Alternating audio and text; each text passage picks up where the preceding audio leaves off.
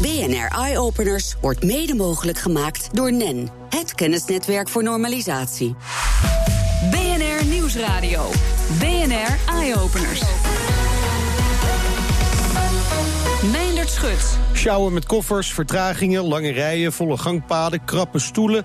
Op reis gaan is voor de meeste mensen heerlijk, maar ja, al dat gedoe eromheen. Hè. En dat werd deze week nog maar eens benadrukt. Er een artikel in de Telegraaf waar gewaarschuwd wordt voor incheckfiles op Schiphol. Mensen moeten voortaan drie uur van tevoren zich al melden om op tijd een vlucht te halen. Dat moet anders kunnen. En gelukkig werkt de TU Delft in het Pass Me Project aan allemaal slimme innovaties om het passagiers zo makkelijk mogelijk te maken. En om daar meer over te vertellen is bij mij in de studio professor aan de TU Delft, Sikko Santema. Welkom. Dankjewel. Leuk dat je er bent. Ja, fijn. Eh, dat eh, Pass Me Project, wat, wat houdt daar precies in? Eh, PASMI staat voor eh, Passenger Seamless Mobility. Eh, seamless is ja, gewoon lekker vlot door kunnen lopen. Het voorbeeld wat je geeft van al die files bij het inchecken, dat is nergens voor nodig. Want het hele systeem, zeggen we dan, het hele netwerk van al die samenwerkende partijen, die weten al lang dat je komt. Dus kun je daarop anticiperen. Ja, maar toch doen we dat op dit moment eh, nog niet. Hè? Nee. Enorme lange rijen, dus ook met een reden, veiligheidsredenen met name bijvoorbeeld. Ja. Ehm, waar- waarom, waarom gaat dat zo moeilijk? Het gaat zo moeilijk omdat die hele keten eh, bestaat uit allemaal silo's die hun eigen activiteiten doen. Dus een douane doet paspoorten, eh, iemand doet het inchecken, iemand doet de koffers, iemand doet de boarding. Eh, maken we hem iets groter, we gaan thuis al weg. Staan we in de rij bij de trein of in de file op weg er naartoe. Ook als we ergens aankomen, we zeggen wel, vliegen is echt best een raar bedrijf. Want je gaat van een plek waar je niet wil zijn naar een andere plek waar je niet wil zijn. Het is net de trein. Het is net de trein. Je- Dus bij het kijken van huis naar eh, bestemming. Ja. En naar hotel of vergadering of waar je naartoe gaat. En die informatie, hoe laat je eigenlijk gaat vliegen, is al bekend als je thuis weggaat. Ja, en toch is dat vliegtuig voor sommige mensen ook wel een beetje een bestemming. Want het blijft nog altijd wel eh, vaak leuk, hè, vliegen. Ja. Maar ja, eh, het is wel een hoop gedoe. We gaan het straks meer hebben over dat sjouwen met koffers. Ja. Hoeft namelijk helemaal niet. Maar Nee, nee. eerst eens even naar dat vliegtuig zelf kijken. Eh, zien we ook steeds meer nieuwe technieken. Maar jullie zeggen eigenlijk, het kan nog zoveel beter. Waar moeten we allemaal aan denken? Nou, ehm, eh, hoe wij het doen is, zijn die journeys, wat ik net vertelde. Ja. Hè, dus ook dat aan boord gaan van een vliegtuig boorden. Dat beschouwen we dan als een, een reis of een stukje van de reis die een passagier doormaakt. Eh, we werken heel veel met studenten die dit zelf doen. Heel veel lean start-up-achtige manier. Dus Ja. van de bottom-up. eh, eigen ervaringen, al die studenten reizen enorm. En dan zijn er een groepje, eh, is er een groepje studenten wat zegt: Ik wil dat borden wel eens aanpakken. Nou, we kennen allemaal die rijen midden in eh, het gangpad van het vliegtuig. Hè, want het is natuurlijk het handigste als degene die achterin zit het eerst Ja. naar binnen gaat. Klinkt logisch. Klinkt logisch, maar dat gebeurt in de praktijk niet, want we willen een plekje voor onze koffer. Of we willen als eerste erin, zodat iedereen anders ons kan zien. Hè. Daar kun je bij sommige luchtvaartmaatschappijen zelfs voor betalen. Ja, dat je eerder een mag. priority lane bijvoorbeeld. Priority lane. Ja, en soms Eh, doen ze het ook wel eens met kleurcodes. Hè. Ja. Doet KLM bijvoorbeeld wel eens met grote vliegtuigen. Ja, kleurcodes. Dus dan heb je een gebied van rij 40 tot rij Ja. 30. En dan mag je naar binnen. Wordt alleen niet gecontroleerd of er niet iemand van 23 Ja. ook, eh, Ja. rij 23 ook mee naar binnen gaat. Dus zeggen studenten: hey, in eh, bioscopen heb je een opklapbare zitting omdat je dan door kan lopen. Dus waarom maken we in het vliegtuig niet stoelen naast het gangpad met een opklapbare zitting? Nou, Handig. handig. En omdat ze dat idee hebben, gaan ze meteen aan de slag om het te maken en uit te proberen. Eh, we hebben een eh, proefvliegtuig eh, op de TU Delft staan. Overigens ook nog een paar kleine opstellingen binnen in het gebouw. En maken ze die dingen gewoon, testen ze uit of het werkt. En dan zie je dus dat mensen in het gang, of uit het gangpad stappen bij die opgeklapte stoel, dan hun spulletjes in het rek stoppen en keurig gaan zitten. Daardoor gaat het ook al een Ja. stuk sneller. En als ik dan aan die opgeklapte stoel denk, dan zou je, en volgens mij heb je er ook een plaatje Ja, van, heb ik dan zou je ja. ook hè, je bagage gewoon in die stoel, stoel kunnen plaatsen. Ja, dus dat, dat was, ja, bijvangst is te oneerbiedig. eh, maar eh, toen het stoeltje omhoog was, zie je natuurlijk ook die bak eronder. Ja. Zet je daar je bagage in. Vinden passagiers veel fijner, het gaat sneller. eh, en het geeft ook gelegenheid om die bovenruimte van die bakken, om daar een andere functie aan te geven. Bijvoorbeeld veel meer ruimte, waardoor het ook weer leuker wordt, jouw vraag Ja. van zo strak, Ja. om in dat vliegtuig te zitten. Dan is er nog bijvoorbeeld eten aan boord. Je krijgt steeds minder eten zomaar bij je ticket, maar het gebeurt nog wel op langere vluchten. En dan mag je op dat moment mag je kiezen wat je eh, te eten krijgt. Je hebt meestal een keuze tussen menu A of menu B. hè, eh, vis of vlees. pasta. ja, Ja, of dat is iets, dergelijks. Ehm, eh, en dan denk ik altijd, ja, dan, dan moeten ze dus eigenlijk bijna voor iedereen dat twee keer aan boord hebben. Ja. Dat, kan vast ook anders. Dat kan heel anders. Eh, we doen alles met profiling. Iedereen eh, maakt zichzelf bekend wat hij graag wil. Zo is het ook van mensen bekend dat ze eigenlijk ook tijdens het vliegen hetzelfde eten of hetzelfde drinken. Zeker als je keuze chicken of pasta hebt, dan eten mensen altijd één van die twee. En niet de ene vlucht het ene en de andere vlucht het andere. Dus gewoon door bij het ticket aan mensen te vragen, of bij het boorden, of eh, sorry, bij het inchecken eh, te vragen: wat wil je eh, Ja. eten straks? Ja. Hebben we geleerd dat meer dan de helft helemaal niks wil eten in Europese vluchten. Een aantal mensen willen wel iets eten in de reis, maar niet in het vliegtuig. Nou, allemaal dat soort variaties worden dan ineens mogelijk. Waardoor er dus veel minder spullen meegaan aan boord. Handling makkelijker is, het gewicht van het vliegtuig lager. En, en als je precies weet wat mensen aan boord willen hebben, kun je daarop inkopen. Kun je misschien ook nog meer verkopen. Ja. Dus commercieel zou het misschien ook nog wel interessant kunnen zijn. Maar ja, goed, ja, ook zijn dat hebben we weer natuurlijk jullie- getest. Ja, oh, ja. ook getest. Mensen gaan niet meer kopen eh, als ze meer tijd hebben. Dus dat, dat, dat eh, niet. Nee, nee, nee, helaas. Nee. Maar goed, eh, dat, dat, dat inchecken kan dus beter. Het, het, het boorden van het vliegtuig kan beter. Ook echt op maat gemaakt. Je weet precies wanneer je wel, naar welke stoel kunt gaan... en waar je bagage dan kwijt kunt. Eén stapje daarvoor zit natuurlijk de security check. Ja. En dat is, ja, iedereen die dat op Schiphol wel eens heeft gemaakt op drukke tijden, dat kan heel lang duren. Ja. Kan dat ook beter? Want ze hebben daar toch ook al wel moderne technieken staan. Ja, dus dat is een heel ingewikkeld onderwerp, omdat dat zwaar gereguleerd is. En de, de wetgeving en met name de luchtvaart eh, onderling, de luchtvaart IATA-regels zeggen: we willen op deze manier alle mensen die aan boord of op een vliegveld zijn, eh gesecurity checked hebben. Het is een nieuw werkwoord. eh. Ehm, ehm, terwijl alle gegevens van die mensen eigenlijk al bij hen zelf aanwezig is. Ja. Dus het is ook een waar we mee bezig zijn. Kan ik op een andere manier mensen herkennen dan ze fysiek daar te zien? En kan ik dan ook weten welke spullen ze bij zich hebben en wat, wat daar eh, is. Dus gezichtsherkenning is een hele actuele. En als ik eenmaal mensen met, eh, eh, op basis van hun gezicht kan herkennen, kan ik daar dus al die andere informatie ook bij. Waaronder je paspoort, wat ook al elektronisch is op dit moment. En dan kan dus allemaal veel sneller. Ja, hoeveel tijd ga je eigenlijk besparen op die manier? Denk We hebben met dit Europese project PASMI getekend voor een uur minder reizen. En dat gaat dus af van wachttijden enzovoort. En het vliegtuig gaat niet harder vliegen, Nee, of dat- trein ook niet. Dus daar, zijn weer andere in. innovaties Ja, voor nodig. ja, ja. Eh, we noemden net al even wat innovaties in het vliegtuig. Hè. Nou hebben jullie ook een eigen toestel eh, staan om in te experimenteren. BNR Ja. Giro Krant die ging aan boord met Suzanne Hiemstra, onderzoeker bij de TU Delft, om eens te kijken hoe het er daarvoor staat. In de achtertuin van TNO staat een vliegtuig opgesteld. Alhoewel, het is dat mis verteld, want het lijkt op geen enkele manier meer op een vliegtuig. De vleugels zijn eraf. Het is een beetje een verweerd ding. Ja, hij heeft eh, twee jaar buiten gestaan in Engeland. Toen hebben wij hem aangeschaft. En eh, nu staat hij hier. Dus inderdaad zonder cockpit, vleugels en eh, staart. Maar verder wel met de, de deuren voor en achter. En met het interieur. Dus Het is een Boeing, hè? ja, een Boeing 737-500. Dus een kleintje. De echte vliegtuigdeur zit er nog in. Kom binnen. Nou, normaal moet ik dan hier altijd op mijn kaartje kijken waar ik zit. Precies. En dan moet je hier eh, zoeken van, eh, oh ja, waar zie ik de nummers? Die staan vaak hier bovenaan hè, bij de bagagerekken. En eh, mensen kijken ook, het is best een smal gangpad. Dus Je kan er niet kijken, langs, want iedereen is bezig Precies. om zijn handbagage in deze vakken te ja, leggen. Ja, of nog de jassen uitdoen. Of, of mensen zijn gaan zitten, maar ze moeten toch weer opstaan... omdat er nog iemand langs moet. Of, Ja, wat gaan we eraan doen? Nou, een van de ideeën is om een lampje boven de stoel... wat feller gaat branden op het moment dat jij dichter bij je stoel komt. Dus dan hoef je dus niet meer eh, te kijken naar de nummertjes... en te vergelijken met wat er op je kaart staat. Maar dat lampje dat gaat feller branden... en daarmee denk je, oh ja, dit is mijn stoel. Moet je, zou je niet iets moeten doen met je mobiele telefoon? Een soort mini-navigatiesysteem. Dat je telefoon zegt, uw stoel bevindt zich aan de linkerkant over 10 meter. Nou, dat is ook één idee. Ja, echt werkelijk? Ja. Laten we even een stukje het vliegtuig inlopen. Want ik zit namelijk altijd net boven de vleugel waar je geen uitzicht hebt. Zullen we even gewoon eh, gezellig gaan zitten? Ja. Oh, als een sardientje, hè? Ja, het is, we hebben het zoveel mogelijk geprobeerd na te bootsen. Dus dat is inderdaad vrij weinig eh, beenruimte. Gaan jullie daar ook wat aan doen? Nou, het onderzoek richt zich met name op hoe kun je de reistijd verkorten van de passagier.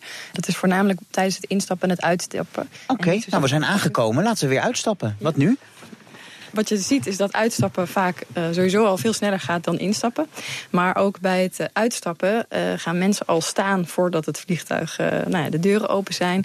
Dus mensen staan heel oncomfortabel met hun hoofd onder de bagagerekken. Ja, ja. staan te dringen om de koffers uit de bakken te pakken. Dus ook daar is nog een hoop ergernis waar we iets aan kunnen. Ja, en wat voor oplossingen hebben jullie daarvoor in gedachten? We willen nieuwe stoelen ontwerpen die meer ruimte bieden. Dus die het makkelijker maken om elkaar te passeren en om uit te stappen. Maar ook waarbij je dan je bagage bij je kan houden. En dus daardoor makkelijker kan uh, uitstappen. Want wat je nu vaak ziet, is dat mensen staan in het gangpad. En ze hebben alle spullen die ze bij zich hadden tijdens de vlucht. Zoals een boek of iets te eten of een laptop. En die staan het gangpad te blokkeren. Doordat ze alles terug willen doen in hun koffer. En als je dus je bagage bij je kan houden. Dan kun je gewoon gelijk uh, kun je in je stoel al de spulletjes terug doen. En dan kun je gelijk uitstappen.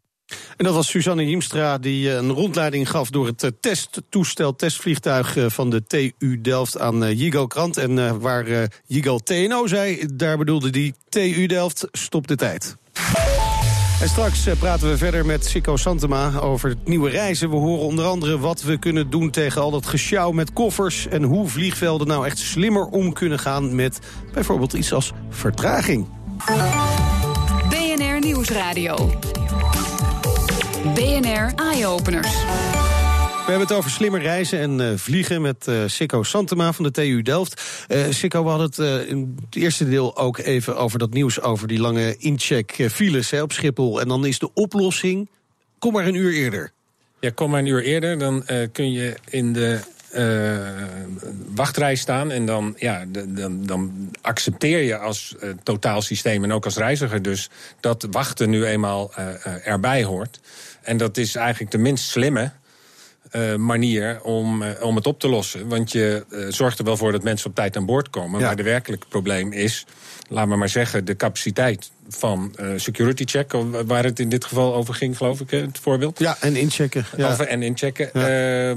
Het, het wer werkelijke probleem is dat je eigenlijk niet weet wanneer die mensen komen en wanneer ze uh, door die rij heen moeten. Ja, precies. En, en in dit project wat we doen, PASMI project, hebben, maken we een voorspeller omdat iedereen de hele tijd digitaal beschikbaar is via je smartphone bijvoorbeeld. Die is ja. natuurlijk het makkelijkst. Ook als je 100 kilometer van de luchthaven af bent of woont. Ja. Dus je kunt... Maar is het ook niet ongelooflijk dan, hè, als we dit allemaal weten? We kennen heel veel slimme oplossingen. We weten allemaal dat er slimme oplossingen bestaan. Ja. Dat die luchtvaartindustrie naar dit soort oude oplossingen zoekt. Eerder komen en uh, vragen om meer geld, zodat ze meer handjes nou ja, aan het bed in dit geval niet, maar aan de check kunnen zetten. Ja, ja, en op, korte, en op korte termijn kun je geen andere kant op dan dat doen. Oké, okay, uh, dat is de reden. Je hebt natuurlijk niet morgen uh, nee. een hele planner van. Een, een afsprakenplanner van kom jij dan maar en maar, dan maar. Maar, maar staan ze open voor dit soort ja, innovatieve oh, ideeën. Nee, zeker, oh ja, dus, die staan okay. absoluut open voor innovatieve ideeën. Als je ziet wat voor interesse uh, luchthavens in Europa. Het is een Europees project, hè, ja. dus we richten ons daar met name op. Uh, we zijn ook gevraagd om bij de ACI, dat is de Vereniging van Luchthavens in, uh, in dit dan Europa, ja. zijn we mede bepalend voor de innovatieagenda die zij opstellen. En daar okay. staan dit soort dingen bovenaan de lijst. Oké, okay, dus dat gaat wel, dat, dat, dat, gaat wel, gaat er een moment komen dat ja. De luchtvaartindustrie dus niet meer met dit soort oude oplossingen nee. komt van kom maar een uur eerder. Nee, en we hadden het in het voorgesprek even over banken. Dat, dat beeld, hè, dat was natuurlijk heel. Ja. Uh, als je daar tien jaar terugkijkt hoe dat functioneerde en hoe we nu zelf uh, eigenlijk al die wachtrijen bij banken uh, opgelost hebben. Um, laatst bij een bank is gevraagd hoe lang zou het nou duren als uh, bol.com een pasje zou maken voor je als je het verloren hebt. Dan ze, iedereen zegt dan voor 11 uur s'avonds besteld ja, dat je het volgende ochtend ja, 9 uur huis. Terwijl de bank doet er zeven dagen over, of vijf dagen. Nou, dat is hetzelfde soort uh, probleem. Even die dingen die moeten om. En dat, dat heb je natuurlijk tijd voor nodig om dat ook geaccepteerd te krijgen. Ja. Beetje correct antwoord wat ik hier geef. Maar, ja, maar we begrijpen de boodschap. De boodschap. En het leuke van het werken met studenten is dat die daar niet van zijn. Nee. Dus uh, ik wil het nu en het kan nu, dus we gaan het nu veranderen. En dat is het Die leuke. accepteren gewoon niet die status quo? Nee. En dan gaan ze in een setting met zichzelf in projecten dat namaken, simulaties maken en dat soort dingen. Uh, overigens ook het onderwijssysteem heeft, leidt natuurlijk aan precies hetzelfde. Ja, ja maar dus, dat, dat denk ik. Ja. Vroeger had je natuurlijk, ik heb ook nog ooit gestudeerd, had ja. je een professor die vertelde, die, die wist hoe het zat. Die vertelde dat aan onze studenten en dat hadden wij dan maar te slikken. Nou, we waren ook wel eigenwijs hoor, maar. Is dat anders tegenwoordig? Ja, alles wat ik vertel in colleges haal ik ook van internet. Dus dat kunnen studenten dat uh, weten zelf ze al lang. doen. Dat weten ze al lang.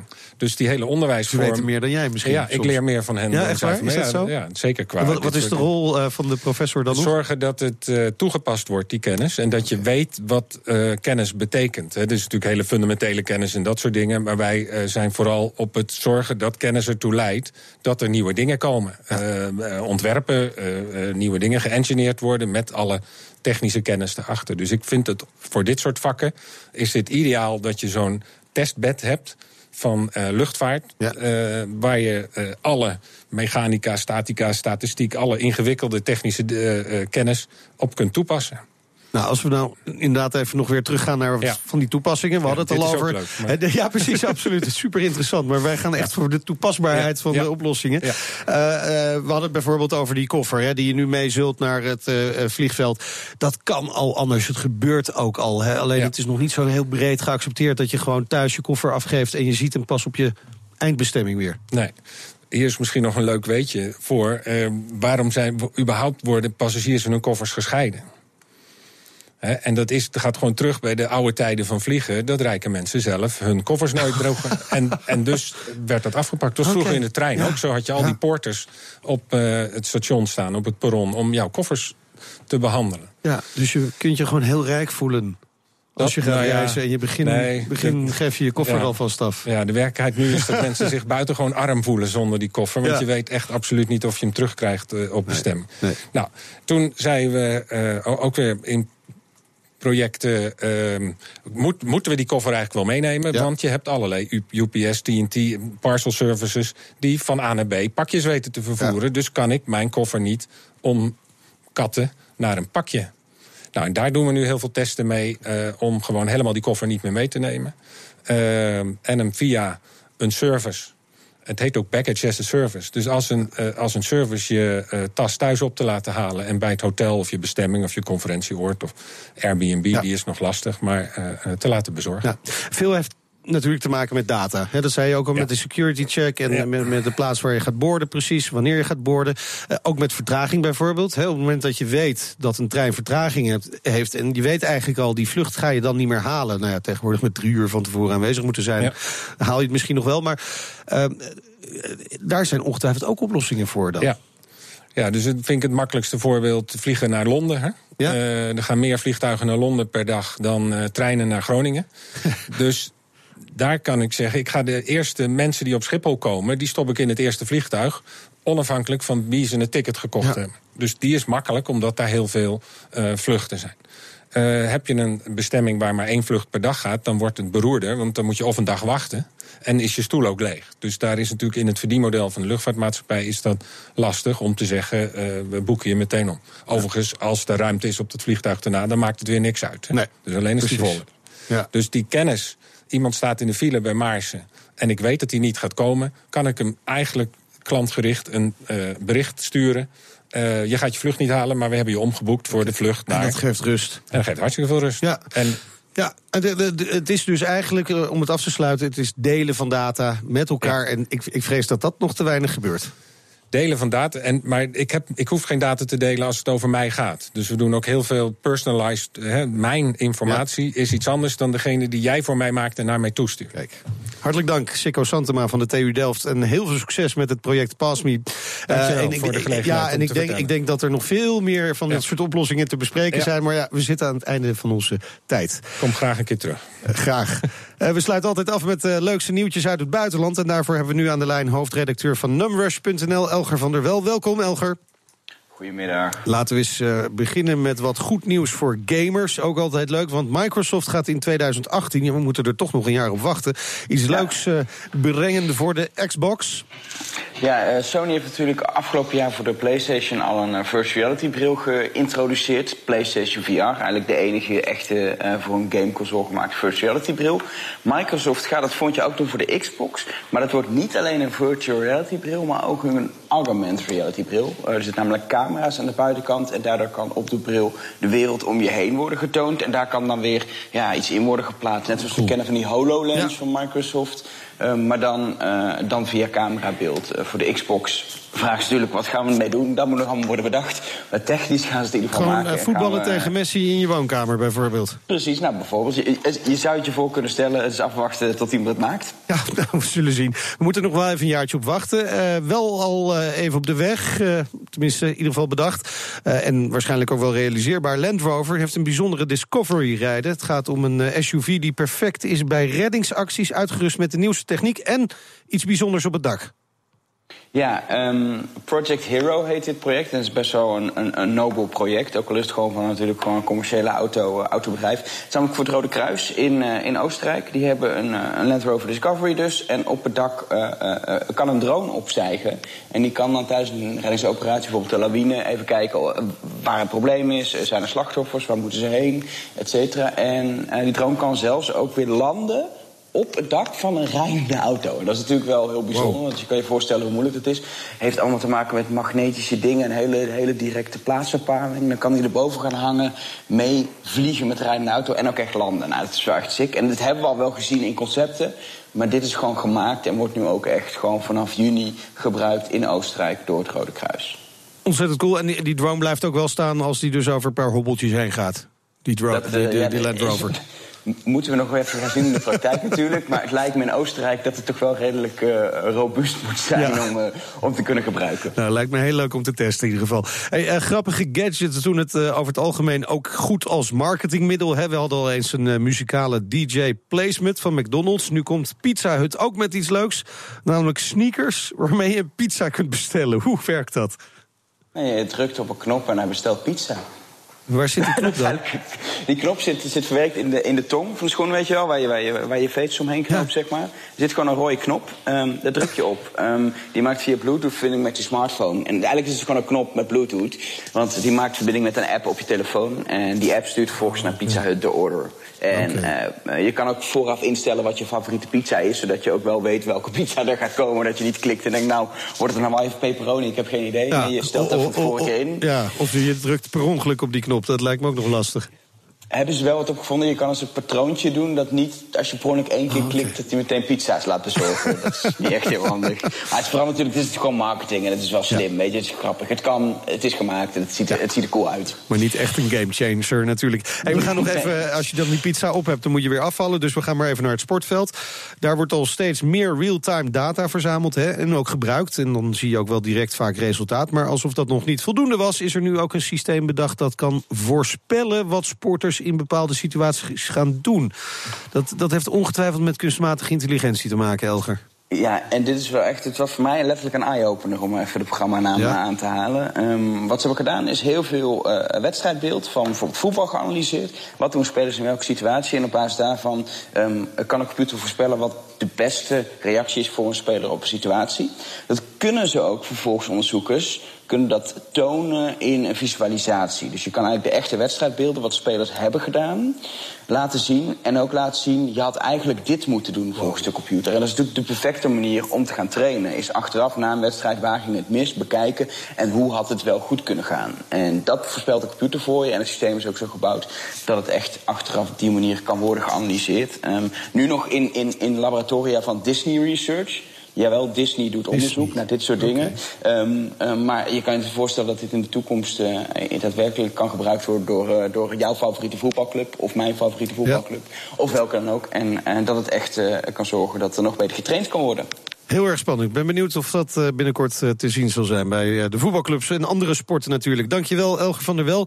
Meer informaties met impact vind je, in, innovaties moet ik natuurlijk zeggen, vind, met impact vind je op bnr.nl eye-openers. En op Twitter vind je ons via BNR Innovatie. Hele uitzending kun je terugluisteren als podcast via iTunes en via Spotify. En je hoort ons in de toekomst. Doei! BNR Eye Openers wordt mede mogelijk gemaakt door NEN, het kennisnetwerk voor normalisatie.